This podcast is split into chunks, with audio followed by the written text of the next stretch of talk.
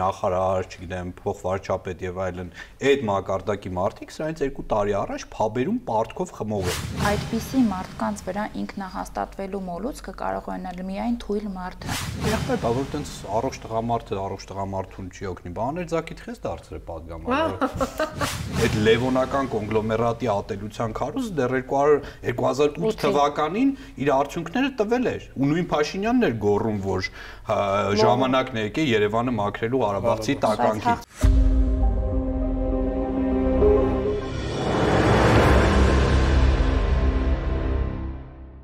Բարև ձեզ, դուք հայլու առաջ եք, ձեզ հետ է անժելա թովմասյանը, մենք հայլու առաջ շարունակում ենք կննարկումներ ներկացնեմ իմ հյուրերին։ Այսօր իմ հյուրերն են ադեկվատ միաբանության համահիմնադիր Կոստանդին տերնակալյանը, ազգային ժողովի նախկին պատգամավոր Նայրա Կարապետյանը և կաղաքագետ աղասի երոքյանը։ Արդեն կարոզարշավը սկսվել է այո և ոչի, ինչպես տեսնում ենք շատ ակտիվ են այոյականները, ոչը բավականին пассив է այդպես ճակերտավոր ասած, հա, ոչը բավականին пассив է, ինչ տպավորություն ունեք առաջին օրերի քարոզ արշավից։ Ես հետո ավելի մանրամասը կանցնեմ կոնկրետ, հա, կոչերին, ուղերձներին, հայտարարություններին, կամ հենց միանգամից նշեմ, հա, օրինակ այսօր մի հրապարակում կար, որ 2 տարի արդեն անցել իշխանապողությունից 2018 թվական, բայց բառապաշարում հռետորաբանության մեջ, որովհետև ոչ մի փոփոխություն չկա։ Նույն ռոբասերժական իշխանության դեմ է պայքարը, նախկինների դեմ է պայքարը պայքարը եւ այսպես մենք կարող ենք ասել, որ 22, 23, 24 թվականը գուցե մեզ նույն բանն է սպասում եւ այսպես մենք գլորենք։ Խնդրեմ։ Երևի բնական է, որ դա է ուրեմն էլի բառապաշարը, որովհետեւ միակ հաջողությունը որին որ հասել է Նիկոլ Փաշինյանը եւ իր թիմը, դա նախկիններին մերժելն է։ Դրանից ավել բան չեն արել, այսինքն մերժելուց հետո ինչ որ մի բան պետք է ստեղծեին, չէ, դա չեն արել այս երկու տարվա մեջ որևէ բան, նո մեկ էլ ասին ասֆալտ են արել ինչ որ մի քանի կիլոմետր, հա, ուրեմն ուրիշ ոչ մի բան չի եղել, որը որ իրենք կարողանան ստեղծեն ժողովրդական ինչ-որ համախմբում, մարդկանց ստանեն այայի, բայց երբ որ ուրեմն այդ ռոբասերժական այդ բառապաշարին են անցնում, իրենք ենթադրում են, որ իրենք կհաջողեն։ Ընդ որում տեսեք, կարծես թե դա որևէ կապ չունի այս հանրակրվեի հետ։ Մեկ, Երկրորդ ուրեմն այդ նախկինները, չէ, այդ հանրապետականները եւ այլն չեն մասնակցում անգամ ոչի քարոզարշավին որտեղ որ մասնակցեն էլի մի քիչ բնական կլներ որ իրենց դարձներ թիրախ բայց անգամ այդ բացակայության պայմաններում էլի իրենց նախապես մշակված ռազմավարությունը, որը օրիենտադրում է դա մասնակցություն, մնում է ուժի մեջ։ Դե կարծեմ չթաքցրեցին էլ, ասեցին լավ կլիներ, որ ոչը, հա, ձևավորվեր, մենք իմանայինք հա թիրախավորվածում։ Ոչ միայն լավ կլիներ, այլ ասում են ամոթ ձեզ ոչ չեք ձևավորում, ինչու չեք քարոզում, ինչու եք բոյկոտ քարոզում։ Հասկանում եք, պետք է մի པարզ իրողություն ֆիքսենք միակ տարբերակը, որ հանրակրվեով Նիկոլ Փաշինյանը հաղթի, դա ենթադրում է կեղծարարություն գործող նոր ընտրական օրենսգրքի ու մեխանիզմների համաձայն կեղծարարության միակ հնարավոր տարբերակը, որ մնացել են այս իշխանությունների ձեռքում, դա եղած ոչ քվեաթերթիկները կամ անվավեր քվեաթերթիկները դնելն է այոյի տրցակի մեջ։ Դրա դրա համար իրանց պետք է օթի ու ջրի պես պետք է, որպեսզի հնարավորին է շատ մարդ գնա։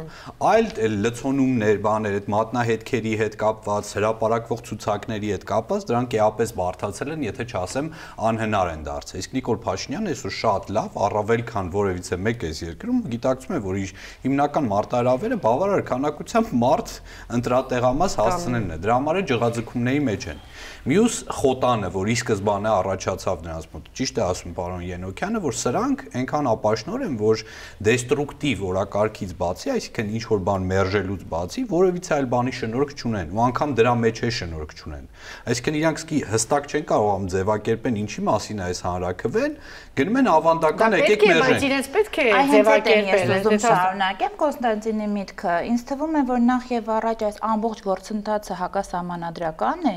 եւ կոնտենտ չկա ներկայացնելու։ Ինչ ներկայացնես։ Եթե մենք այսօր կանգնենք եւ զրուցենք շարքային քաղաքացու հետ, ասենք ինչին է այո, բնականաբար օգտագործվելու է այդ քաղաքական տեխնոլոգիա պես ընտրված սլոգանը, հա, հեղափոխությանը ասում ենք այո,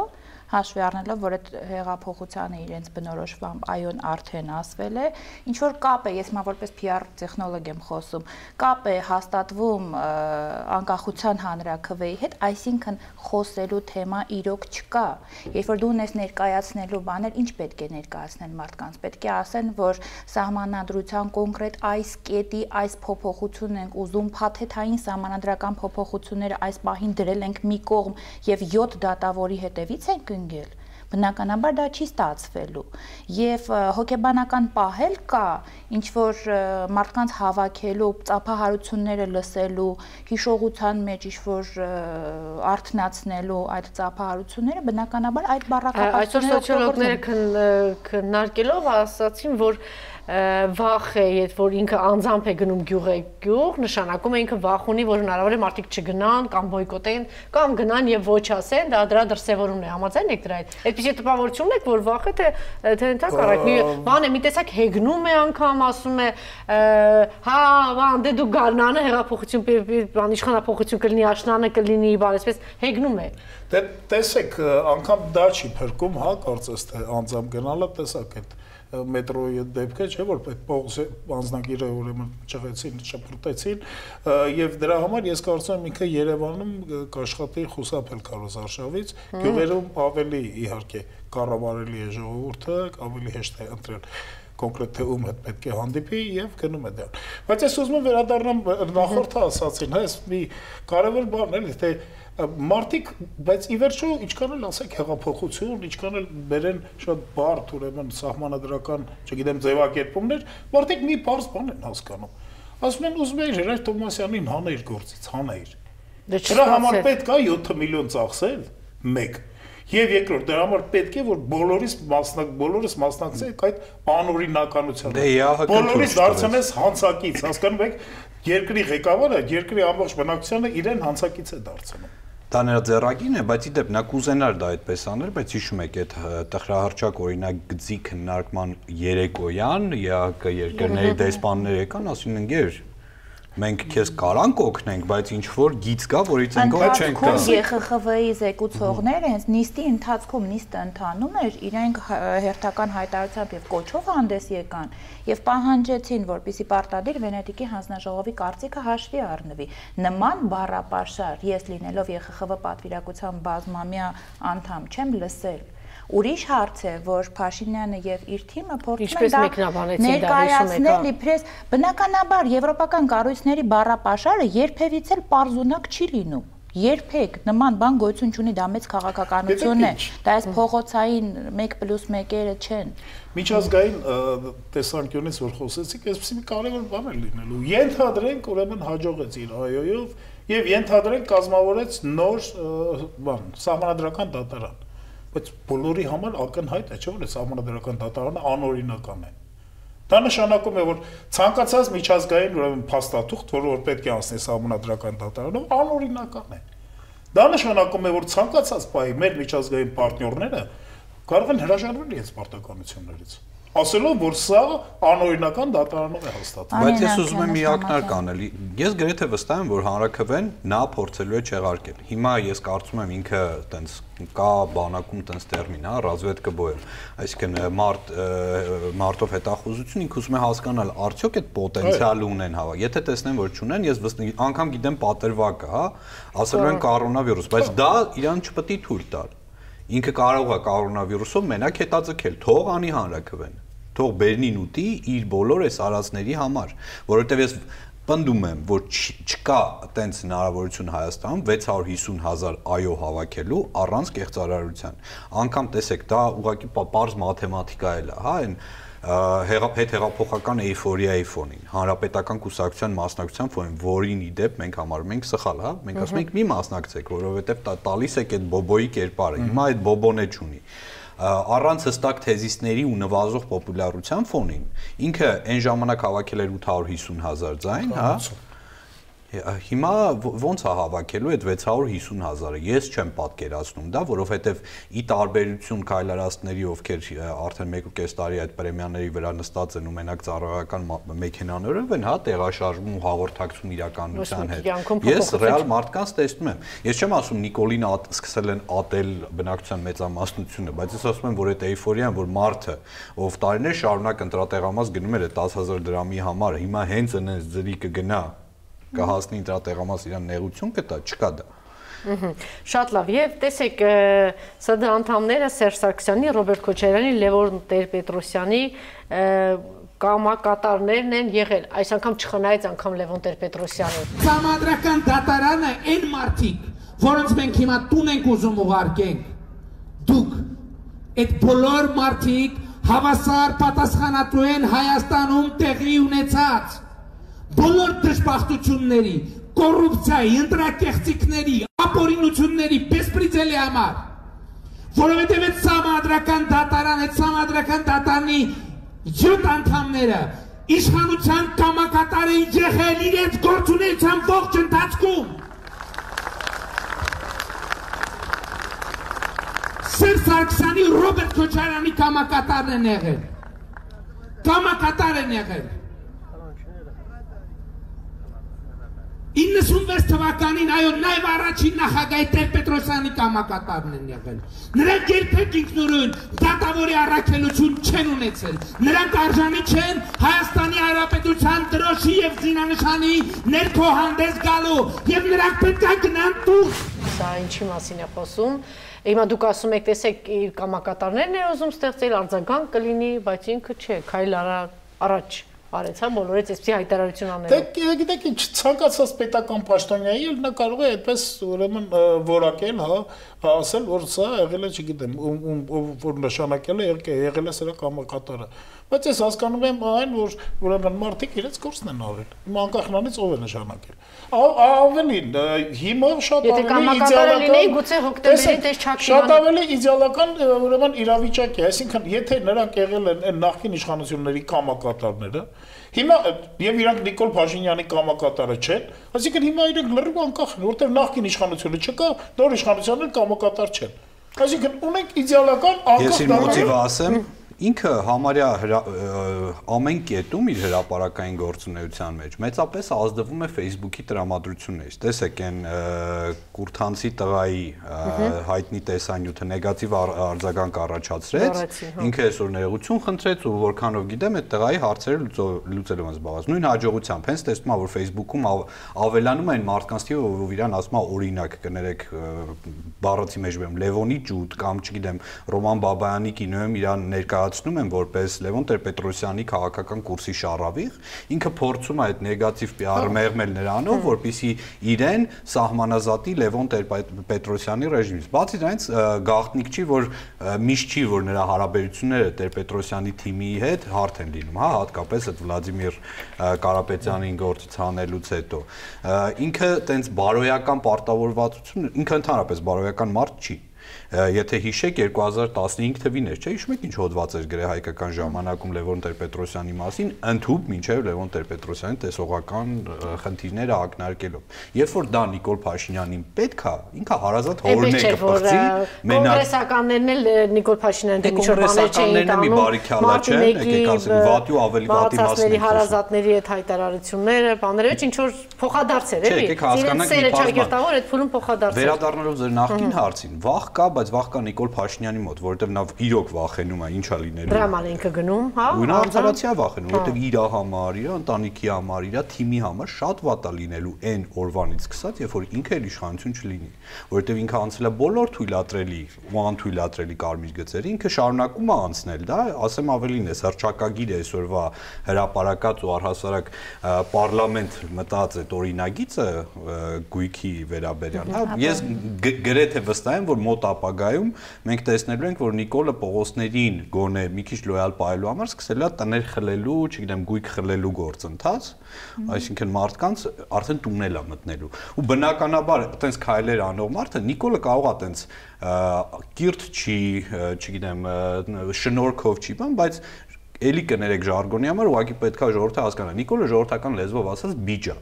Նա հասկանում է իր քայլերի պոտենցիալ հետևանքները ու նա հասկանում է, որ այն ինչ հիմա ինքը անում է ու այս ընթացքում արել է ու պատրաստվում է անել, չի կարող իրեն Չէ, թե այդքան հասկանում է, նաև հասկանում է, որ այս իրականության մեջ Դե համար- տներին մոտենալը, տան Դե մարդկանց ինքը հույսը, իր հույսը այնա, որ ինքը exit strategy ունի, ինքը Դե, իր հույսը այնա, որ ինքը ինչ որ մի հատ գեղեցիկ բայ է, նույն այդ ԵԽԽՎ-ի կամ չգիտեմ ամերիկացիների կամ Սորոսի կամ թուրքերի կամ ռուսների հետ հնարավորություն կունենա դուրս գալու մի այնպիսի պայմանավորվածության Իդեպ այդ վերջին հայտարարությունը Սորոսի, որ եկեք Եվրոպային կոչ արեց, եկեք Թուրքիային պաշտպանենք եւ դիմակայենք ռուսներին, այս բարակամ արդեն էլ կասկած չի մնում Քան առաջին նախանշանները, որ ռուսները արդեն վերջնականապես խաչ են քաշել Նիկոլ Փաշինյանի վրա ու մտածում են արդեն հետ Փաշինյանական իրականության մասին։ Դրա համար հիմա Նիկոլը Նիկոլի վերջին մի քանի ամիսների գործողությունները մենակ մի բանի մասին են՝ անվտանգության երաշխիքների, ոչ թե երկրի համար, այլ անձի։ Հիմա ինքը իր խաղապաստանի մուրալու process-ում է ու համանadrական դատարանի դեմ տարվող process-ը այս նույն տրամաբանության մեջ է, ավելին ասեմ, այս հարցի գինը Արցախն է։ Ինչ է իրան պետք համանadrական դատարանը։ Կա մի թյուր պատկերացում, որ հիմնական պրիզը, հա, համանadrական դատարանի վերցնելուց հետո լինելու է Ստամբուլյան կոնվենցիան։ Դա այդպես չի լինելու է խաղաղության պայմանագիրը, հա, չգիտեմ, Հայաստանի ու Արցախի, Հայաստանի ու Ադրբեջանի միջև։ Դա լինելու է ակնհայտ դավաճանություն, դա լինելու է օրինակ այդ Զանգելանում ադրբեջանցիների վերաբնակեցման էս հիմիկվա թեզը, որ ասպարեզում կա դրա մի մասն է ընդամենը, ու նա հասկանում է, որ տես բան ստորագրելուց հետո իրան ուղակի կքարատեն։ Դրա համար իրան պետքա որ օրինակ ինքը հանգիստ կարողանա փախնի օրինակ Կանադա ու ունենա համոզմունք, որ Տրյուդոն կլինի թե արևմտյան establishment-ի այլ ներկայացուցիչ իրան որևիցե պարագայում չի արտահանձնի իր հայրենիք։ Իդեպ ադրբեջանցի падգամավորներից մեկը իմ հեսա կանրադառնանք ադրբեջանցի падգամավորներից մեկը ավելացնեմ, հա Կոնստանտինի ասածին։ Իր Twitter-յան էջում գրառում էր արել նորընտիրներին եւ հույս էր հայտնել, որ մենք կլինենք հենց այն գումարման միլիմեջլիսը, որը կվավերացնի խաղաղության պայմանագիրը։ Ես գտնում եմ, որ սա ինչ որ մի ձևի ուտեջկա է հավանաբար։ Բայց դա գիտեք, որ նորություն չի, այդպիսի հայտարարություն ընկերություններ 20-30 շատացել են, հավատացեք, արդեն մի քիչ շատացել են ու այս հրճվանքը, որը ապրում է հարևան երկրի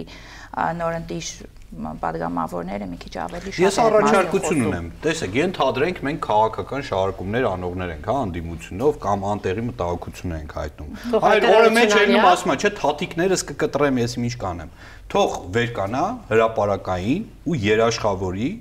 որ քանի դեռ ինքը իշխանության է, քանի դեռ ինքը Հայաստանի ղեկավար, ինքը երաշխավորում է, որ ոչ մի ադրբեջանցի չի վերաբնակեցվելու Արցախում։ Կարող է թե երաշխիքը տալ։ Գուցե այո։ Դե գուցե եւ չէ։ Նա ընդունում է, որ դա վատ բան է։ Ընդունումը չի, ես ասում եմ, թող կանգնի, այտենց երաշխիք տա։ Այդ ժամանակ իր տերերը։ Խնդիրը հենց դրանում է, միգուցե Փաշինյանը պատկերացնում է, որ դա վատ բան չի։ Գիտեք ինչ, կան վերագեպենակեցվեն, բարիշեն։ Այս հանրակրեն այս առումով մի քիչ ավելի լայն ուրեմն մտահոգության տեղ է տալիս, այսինքն եթե հանկարծ նրա այոն հաջողի, նա կհասկանա, որ ունի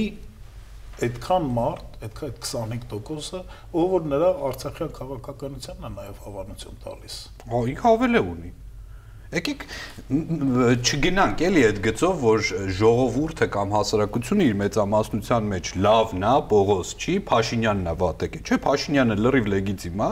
Այո, Հայաստանում կան այնպիսի մի հատ մեծ տոկոս, որ ինչ որ մի պայ կարա դառնա անհայրենիք տականք, ում համար Արցախը կարևոր չի։ Մարդիկ բաց խոսում են, լինում են միջադեպեր, որ տաքսիստը, չգիտեմ, Ար- արցախի բարբարով խոսալու համար մարդկանց տա- տաքսուց իջացրել էին։ Այդ լևոնական կոնգլոմերատի ատելության քարոզը դեռ 200 2008 թվականին իր արդյունքները տվել էր ու նույն Փաշինյանն էր գոռում որ հա, ժամանակն է եկե Երևանը մաքրելու Ղարաբաղցի Բայց տականքից հաղթարեցինք, չէ՞ հետո։ Չէ, չարթարեցինք, ուղղակի այդ մարդիկ լրացին ու տաբուի դաշտ մի քիչ մտավ, որովհետև ոչ թե նրա համար, որ ինչ որ օրենսդրական սանկցիաներ կարողա լինեին, այլ ուղղակի մարդկանց մեջ որ չէ, հասկանում եմ, որ մեկը տես բան ասի, կարող անտամ Բերնին ու իրանց այդ Բերնին տվողի հետ ոչ մի բան չլինի, որովհետև դա ճիշտ է, դա արդար է։ Այստեղ օրենքի տառը մի քիչ կարող է հակասության մեջ մտներ բարոյականության ու ազգային շահի տարի հետ։ Բայց ես կարծում եմ, որ մենք մի օր գալու ենք այդ Հայաստան, որտեղ լավագույն դեպքում Բերնին կտանեն մարդով, այտենց բան կասի Արցախի,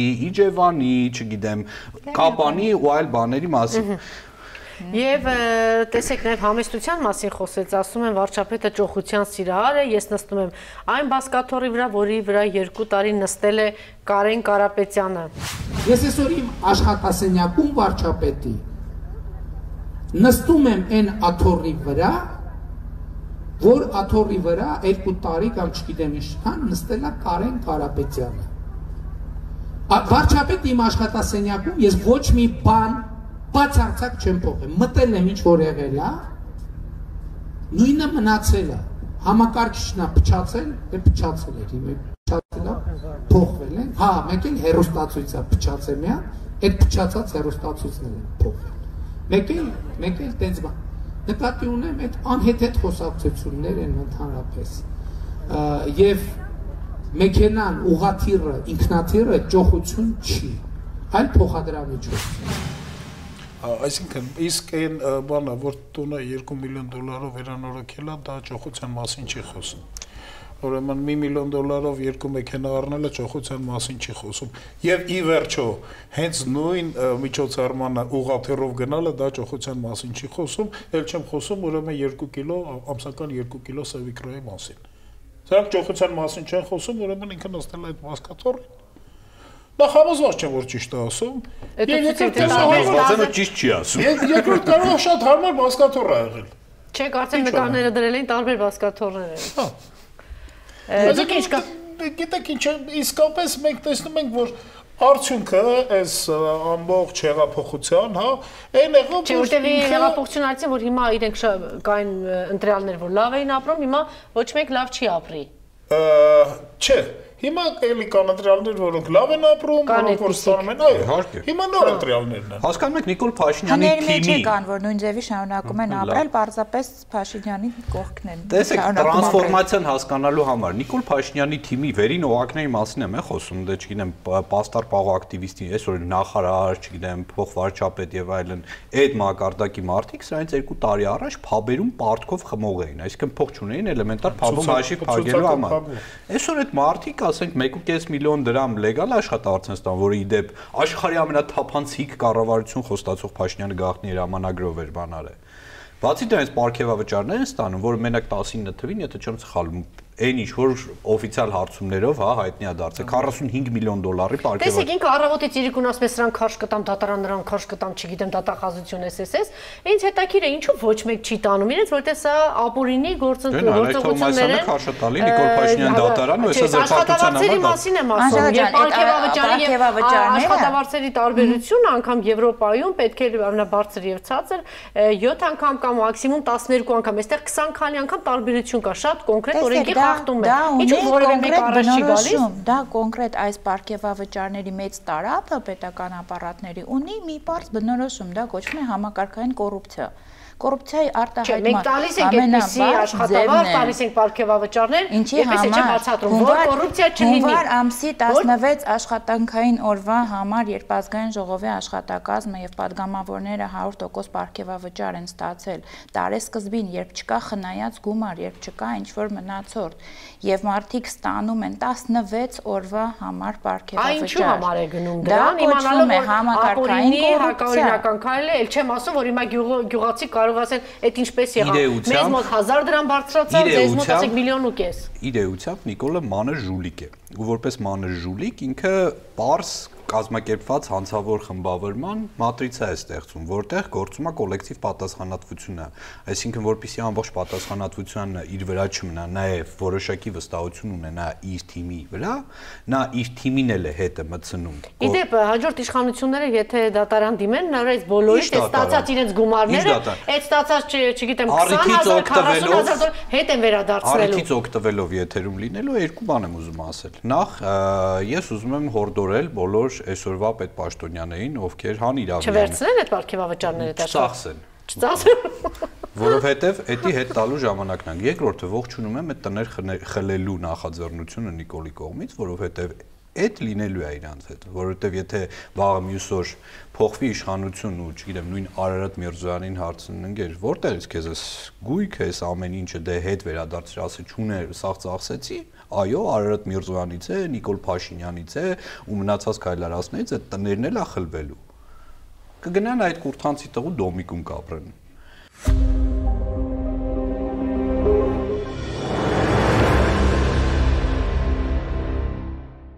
ինչ իրանք անում են ներքին կլինի այդ անցումային արդարադատություն էդ էլա պետք բավաղը մյուս օր այդ գործ կարող քննիչնեին որ չգիտեմ Սամսոնյանի Նիկրայի համար են գործառույցում Արտուր Դանելյանի հոր վրա են գործառություն են պարագայում, երբ որ գործ չկա, հա, բայց մարդիկ պետք է պատասխան տան, չէ՞, ու ստանդարտ այդ Եվրոպա հաջո դե օրենսդրության մեջ դու չես կարողանալ այդ ռեպրեսիան կիրառել։ Տեսեք, մյուս կողմից երկիրը, երկիրը պիտի զարգանա, նոր հյուրերիցս մեկը ճիշտ նկատեց, հա, մենք ասում ենք 37 թվին էսպիսի բաներ են լինում, բայց կողքից ինչ որ տնտեսություններ զարգանում, ինչ որ բաներ տեղի ունենում։ Հիմա մենք էսպես գնացել ենք, մնացել ենք դրա տակ, սրան կբռնենք, հետո նրան կբռնենք, հետո մյուսին կկախենք, հետո մյուսի Նիկոլ Փաշինյանի Փաշինյանին անել 37 թիվ։ Ռուսաստանում, չգիտեմ, ռուբլի, դոլար, տեսեք ինչ է կատարվում, նավթի գներ ինչ է կատարվում, մեզ մոտ ինչ է, չկա այդ թեմաներ ընդհանրապես օրակարգում։ Մենք շարունակում ենք, բայց չկա բավարը դեմերները թակել Դրա համար է հորդորում եմ Նիկոլ Փաշինյանին անել 37 թիվ ու թող ես էլ լինեմ այդ 37 թվի առաջի զոհերից մեկը, որովհետև 37 թվից միշտ հետո միշտ գալիս է 38 թիվ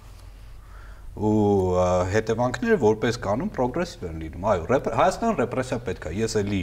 կարող ոչ պոպուլյար բան ասեմ, բայց մեր հասարակությունը, մեր պետությունը կարող է ճիշտ ռելսերի վրա կանգնել միայն այն դեպքում, երբ որ այս ժողովրդին, այս հասարակությանը սաստելու ու ճիշտ ուղի ուղու վրա դնելու նաև բարոյապես հիմնավորված ռեպրեսիվ գործիքներ կիրառվել։ Տեսեք, այդտեղ ես ուզում եմ ավելացնել,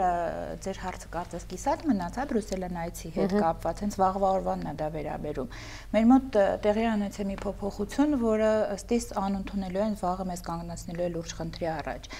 տարիներ շարունակ մեր շփումը Եվրամիության հետ եղել է արժեքների վրա հիմնված։ Մեզ ընդունել են որպես մի պետություն, մի ժողովուրդ, որը կրում է նույն արժեքներ, ինչ որ իրենք։ Նիկոլ Փաշինյանի թեթև ձեռքով մենք մտել ենք շահարկումների դաշտ։ Այսինքն մենք արդեն շահերի համընկնումների հետ ենք սկսել շփվել Եվրոպական միության հետ, հենց նույն այս դատական բարեփոխումների հետ կապված, հա,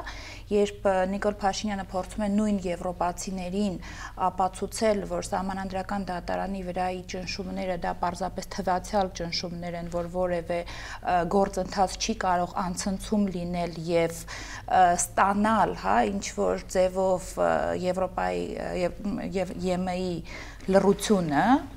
որտեվ դրական արձագանք ես չեմ պատկերացնում այս երևույթին, ինչի դիմաց։ Հանուն դեպս այս փուլում դիմաց կոշտ արձագանք էլ չկա Եվրոպայի կողմից, հա։ Կոշտ արձագանք չկա, բայց եղել են կոշտ արձագանքներ թե Վենետիկի հանձնաժողովից, թե ԵՄ-ից, թե ԵԽԽՎ-ից, թե ԵԱՀԿ-ի դեսպանների կողմից։ Արձագանքները հավատացեք իրոք շատ կոշտ կոշտ բառապաշարով են եղել, անգամ հարց է հնչեցվել, ինչն է դժվար անհապաղ դիմելու եւ ստանալու Վենետիկի հանձնաժողովի գնահատականը գնահատականը, երբ դրան հաջորդում է իշխանական падգամավորի մեկի հայտարարությունը, որ Բուքիկյոն դեռ պիտի պատասխան տա նախկինում տրված իր դրական եզրակացությունների համար, ներողություն, Եվրամիությունը, որքան էլ հանդուրժող թվա, հա, առաջի հայացքից ունի արժանապատվություն։ Եվ այսօրվա այս բրյուսելյան այցը վերլուծելիս, երբ տեսնում եք նրա շփումները, նրա ստացված կամ չստացված հանդիպումները, ես հանգում եմ մի եզրակացության, որ մենք մտել ենք շահերի դաշտ, երբ մի բան առաջարկում ես մի բան ստանալու դիմաց, իսկ այստեղ մենք հավատացեք տարածաշրջանում այն երկրներից չենք, որ ամենաշատը ունենք առաջարկելու։ Այստեղ տարածաշրջանում մենք կոնկրետ կրվում ենք, որտեղ այն ինչ մենք առաջարկենք, մեր հարևաններ 10 այդքան կառաջարկեն։ Ինչ ենք մենք վաղը վճարելու։ Արցախը։ Դա միակ բանը, որ առևտրի միակ առարկան ու մեծ հաշվով միակ պատճառը ինչու Նիկոլ Փաշինյանը եկավ ու կարողացավ մնալ իշխանության ու ինչա նույն ԵԽԽՎ-ն, չգիտեմ, այսքան փափուկ ու այսքան հանդուրժող նրա նկատմամբ, որովհետև միակ հարցը աշխարհում, որտեղ կա կոնսենսուս գերտերությունների մեջ, թե Ամերիկայի, թե Եվրոպայի, թե Ռուսաստանի միջև դա Արցախյան հիմնախնդիրն է այն մասով, որ ստատուս քվոն էս տեսքով, այսինքն Արցախի հանրապետությունը այս սահմաններով ու այս բնակչության, հա, առանց ադրբեջանցի, հա,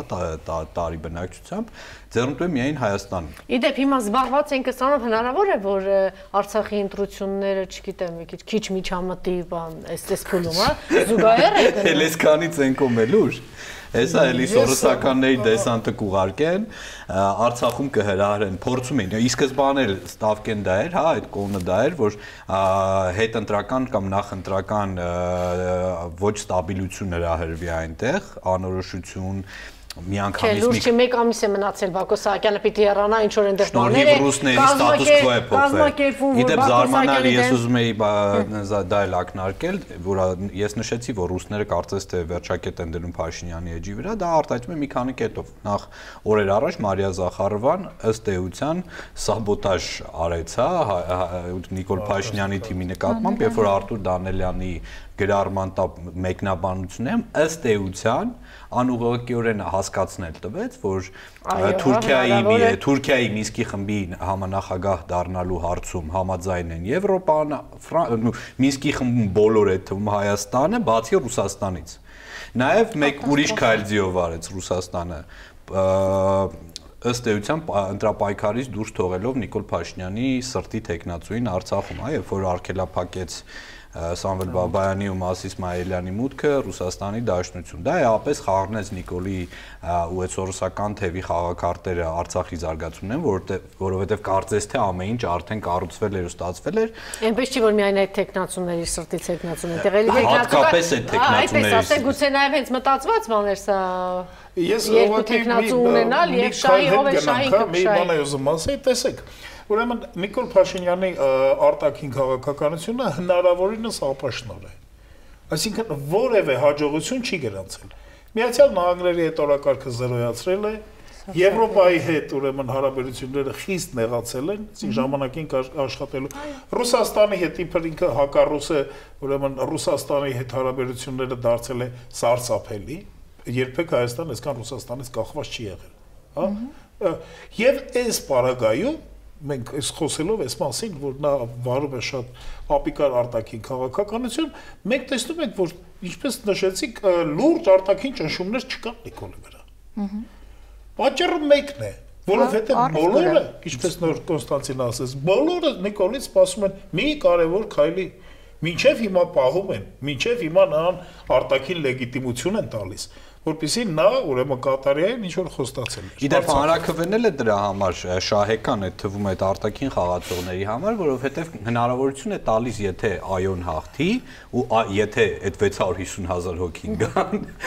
այոն կհաղթացնեն ու բոլորը կասեն մենք ճանաչում ենք այս ընտրությունների արդյունքները, որովհետև դա հնարավորություն կտա Նիկոլի այդ սուպեր լեգիտիմության միֆը վերականգնել, որ տեսեք, բնակչության 90%-ի կամ չգիտեմ 80%-ի աջակցություն է վայելում։ Տեն սուպեր լեգիտիմություն աշխարհին Նիկոլից պետքա մենակ այդ մի հարցի համար։ Նիկոլին է այդ մի հարցը պետքա մենակ իր այդ Կանադայում փախնելու ապաստան գտնելու հնարավորություն ստանալու։ Երկու դրվագ եմ ուզում անդրադառնալ, դուք մասամփա խոսեցիք, երբ որ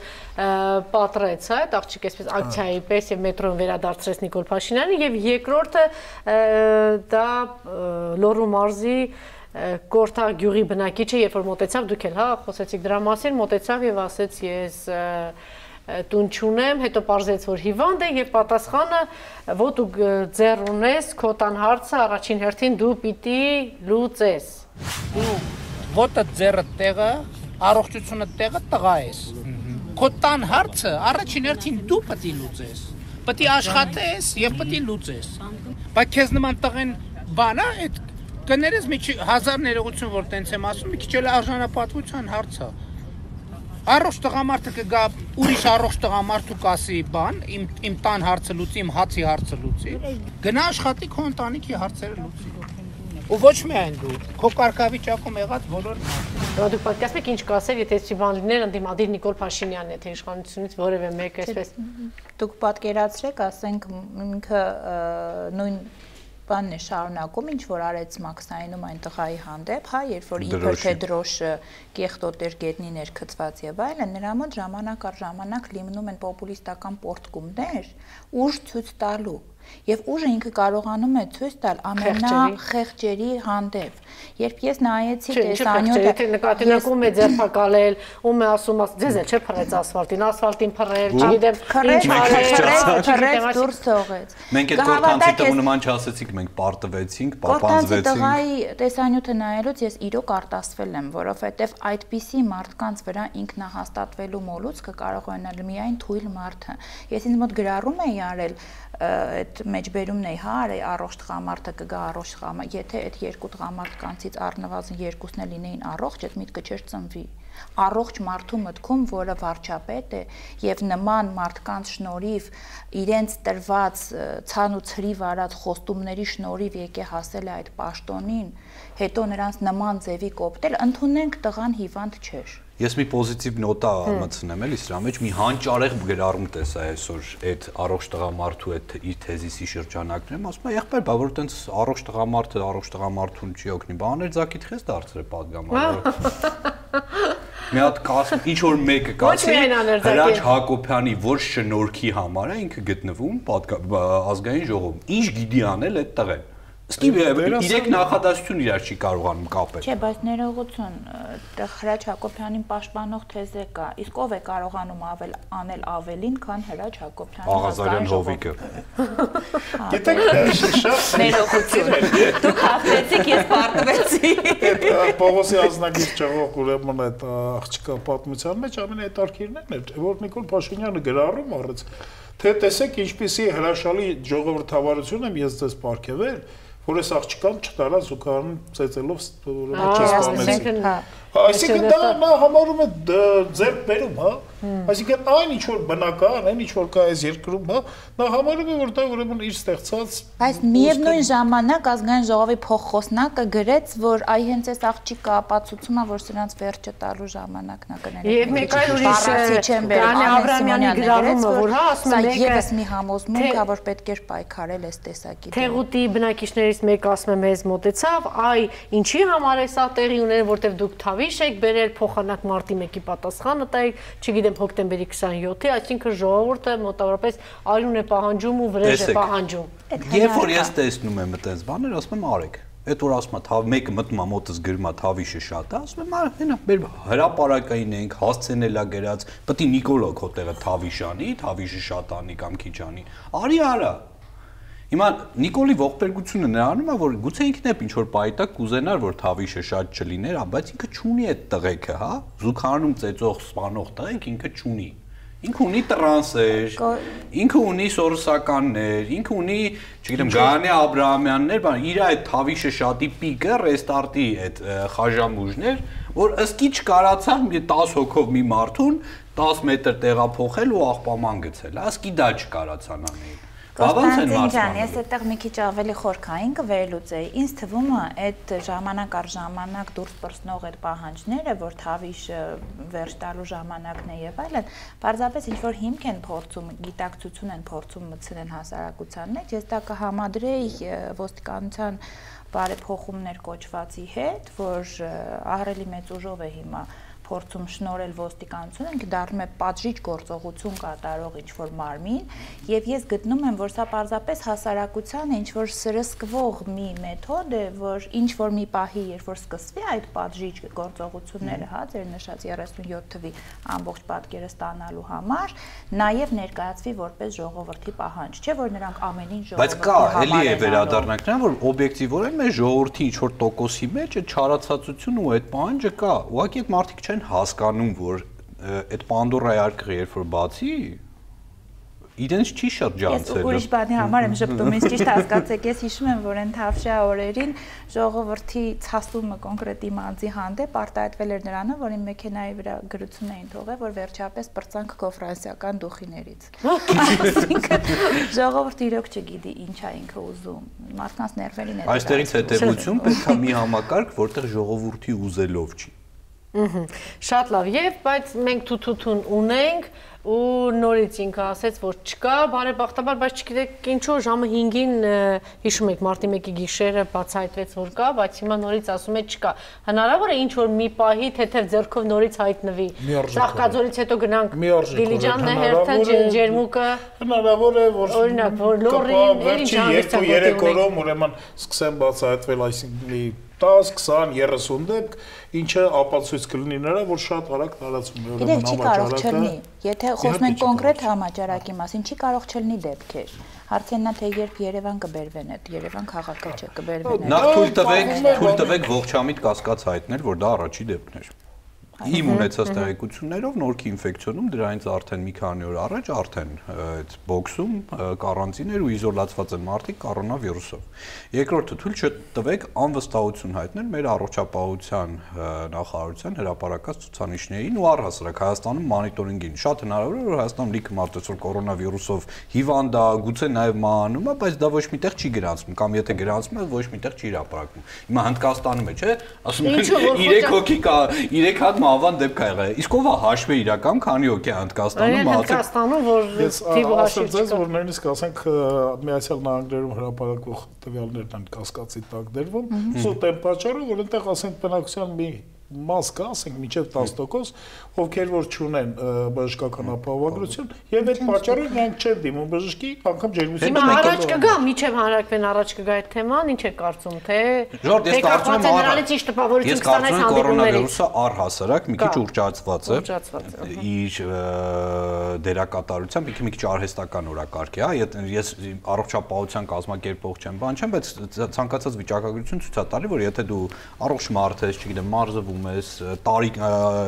տարեց չես, հա, ինքը այդքան մեծ չի իր ռիսկային գոտին, թեև այո, վտանգավոր հիվանդություն է։ Այստեղ իմ մտավախությունը մեր իշխանությունների ապաշնորությունն է, որովհետև անգամ այդ բեմադրությունը, որ արեցին մարտի 1-ով, հա, իրենց իսկ նկարագրած սցենարը ստացվում էր որ Հայաստանի կառավարությունը զորով բերել էր կորոնավիրուսը ներկրե Հայաստան Այսինքն մարդուն կարանտինի տակ Ես մի հատ էլ մի հատ էլ զարմանալի ինչ որ դրվակ ասեմ, հա, հենց երեք առողջապահության համաշխարհային կազմակերպության էջում կոչ է արվում, որ որևէ կառավարություն չի կարող իր վրա վերցնել պատասխանատվություն եւ չձեռնարկել համապատասխան քայլեր, բառացի չեմ ասում, բայց իմաստը դա է։ Դրա հետ մեկտեղ գրեթե ժամերի տարբերությամբ մեր առողջապահության նախարար կոչ է անում ինքնամեկուսանալ Այն ժամանակ ուզում ես դասականին մեջ բերել ու ասել նենց յա իրոք, ես կարող եմ մի հատ ինքնակազմակերպվենք ու ինքնակառավարվենք։ Նախարարության աշխատանքի մասին մի փոքր դրվագ եմ ուզում պատմել, որ ու ավարտում ենք մենք ժամանակ չունենք։ Այո, 5 օր առաջ ուրեմն ես ինքնաթիռով եկա Հայաստան։ Ինձ ինքնաթիռում տվեցին ուրեմն մի թուղթ վրան լրացրեցի անհասկանում, որտեղից գալիս եւ այլն հերախոսման կոնտակտներ ասեցին, որ դա նրա համար է, որ եթե բարձր ինքնաթիռում վարակակիր կա, բոլորին գտնեն եւ կապվեն։ Ես այս թուղթը վերցրեցի, դուրս եկա, անցա ուրեմն անձնագրային ստուգումը, անցա մաքսային ստուգումը, մարդը մանրալից թե ում պետքա տավ այս թուղթը։ Չկար։ Շատ լավ, եւ նորից գանք բուն թեմային հարակվեին, վարչապետը պատասխանատվությունը առանց այդ էլ մեծ է, վարչապետի խոսքերն է մեջ վերում։ Ես չեմ ուզում գրել նաեւ դատական համակարգի գործունեության, ՍԴ-ի գործունեության պատասխանատվություն, որովհետեւ այսօր հին ավանդույթը դատարանում ինչ որ ավանդույթ է դատարանում, ինչ տեղի է ունենում, դրա պատասխանատվությունը ել ինքն է վարչապետի կառավարության վրա։ Մարդը չի ուզում եւ ասում է դրա համար պետք է գնանք մեկ այդպիսի իրեն այդ հարցն է ուղղվել է։ Ինքը մի հատ այտենց 100% իր սրտի ՍԴ դատավոր ունի, Վահե Գրիգորյանը։ Թող մի հատ Վահե Գրիգորյանին հանի, Դες չի ուզում, չէ, ապացուցվեց է, որ վայ Գրիգորյան չի գնում գործի, չի աշխատում, բան չի անում։ Այդ է Նիկոլ Փաշինյանի սրտի դատավորն է։ Մի հատ թող վայ Գրիգորյանի օրինակով ցույց տա իր այդ պատրաստակամությունը ավելի լավ դատարան ունենալու, ավելի քիչ պատասխանատվություն կրելու այդ ժամանակ կքննարկենք մնացածի մասը։ Բայց ինքը տեղյակ չէ Վայ Գրիգորյանը։ Դե հիմա տեղյակ է, չէ։ Իրան այդ հարցից հետո տեղյակ է։ Մեր ընկերներից մեկը Վայ Գրիգորյանին փողոցում բռնացրել էր, ասել էր՝ «Խի գործի չես»։ Էլ էլ ինչ ձևի անենք, պետք է Նիկոլի Թաթիկից դեռ չկտրված տանենք Վայ Գրիգորյանի հետևից Նարուժնի Նաբիլյուձենյա սահմանենք, որ ինքը տենա որ այդ մարդը գործի չի գնում։ Ու այդ իր պատասխանատվությունը են, բայց երբ որ իրան այդ հարցն է տվեցին ու ինքը ասեց կճշտի, մի ամիսա չի կարող Վայ Գրիգորյան ճշտի, զատո ռոբասերժական բոլոր այդ ստվերային կոմբինացիաները, մատրիցաները կարողանում է հասկանալ, մի հատ այտենց նյուլավի մի ջոյի չի կարողանում Բայց հասկանալ գնումա թե բայց չէ։ ինքը խոսել է Վայ Գրիգորյանի մասին։ Երեք Քարոզ Արշավին ասել է, որ իրանք շարունակելու են պաշտոնավարել երկուսով, որտեղ իրանք լեգիտիմ ընտրված են։ Այն 7-ի մասին է խոսքը։ Ես պարզապես ուզում եմ եթերի առիթը օգտագործեմ, մեկ անգամ եւս շեշտեմ, որ 7 դատավորը եթե չօգտվեցին այս կաշառք օրենքից, հա, վաղաժամ կենսաթոշակի գնալու, սա եւս մեկ ապացույց է, որ այո, դատական համակարգի անկախության համար այս հանրակրվեն բախտորոշ է լինելու։ Հիմա տեսեք, այսպեսի նաև մի հայտարարություն ասում է, նախկինները այնպեսի օրենք էին մշակել, որ նրանք պիտի ցմահ մնային, հետաքրքիր է։ Դուք դա քննադատում եք, բայց իրենք ինչ առաջարկեցին։ Ինքն էլ ց- իրենք էլ առաջարկեցին, ցմահ թոշակ առաջարկեցին, էլի։ Չէ, ամենահանճարեղը, ես որ ասում եմ ինքը մանր ժուլիկ է, իրա պատճառով Ասում ինձ է պիտի ասեն, եթե Չէ, դուք թույլ եք տալիս այսպեսի բառեր են ասում։ դե ես եմ դե թույլ տալ, դուք չեք տալ թույլ տալի, չէ։ Տեսեք, իրա պատճառաբանությունը դա ռեկորդների ռեկորդները։ Ասում է դե մեկա մենք իրանց պետք է աշխատավարձ տանք։ Այ- Այսինքն ստեղից, եթե հիմա այդ մարդիկ հրաժարական տային, գնային ցմահ թոշակ ստանային, նոր մարդուն որ բերեին, էլ աշխատավարձ չէին տալու, հա կրկնակի չէր ելնել։ Այստեղ խնդիրը հետեւյալն է, որ աշխատավարձ տալը իրանց մոտ աշխատանքի հետ կապ չունի։ Այո։ Իրանց ապարքեվավճար ստանալը, չէ, անկախ նրանից իրանք ապարքեվի արժանի գործ են արել, թե չէ, իրենք ապարքեվավճարը Պարոն ստանում են։ Ելնիկյան, Որպեսի པարզ հայերենով ասենք հանրության այս հանրակվեն ինչի համար է, ինչի համար է պարոն Ինչ է այս հանրակվեն ապրիլի 5-ին տեղի ունեցող մի Մի նախադասության։ նախադասությամբ որ ուրեմն ժողովրդի անունով, ժողովրդի ձեռքով համանadrական դատավորի դատարանի 7 դատավորի հանի գործից անօրինական 7 միլիոն 7 միլիոն դոլար ծախսել։ Ձեր կարծիքով ինչու համար է սա։ Ես մի քիչ ավելի գլոբալ կասեմ, հա մեկ անձի բացարձակ իշխանություն հաստատելու համար։ Ձեր Իսկ կարծիքով։ ես ուզում եմ կոչ անել բոլոր փողոցներին գնալ ու այո ասել. Պրեմիաներին, տրանսերին, Ստամբուլյան կոնվենցիաներին, Զանգելանում վերաբնակեցված ադրբեջանցիներին, իշխանության ամենատարբեր օղակներում գտնվող մտավոր հետամնացների այս ծաղկաբույլին գնացեք ու այո ասեք, որովհետև դուք պետք է այդ ձեր ընտրության ու ձեր ցանկությունների հետևանքները կրեք ու պատժվեք։ Մենք զահլա չունենք բոլորիդ մարդ սարքելու։ Շնորհակալություն։ Այսօր իմ հյուրերն էին քաղաքագետ Աղասի Ենոկյան, ազգային ժողովի նախկին падգամավոր Նաիրա Կարապետյանը եւ Ադեկվատ միաբանության համահիմնադիր Կոնստանտին Տեր Նակալյանը։ Շնորհակալություն։ Thank you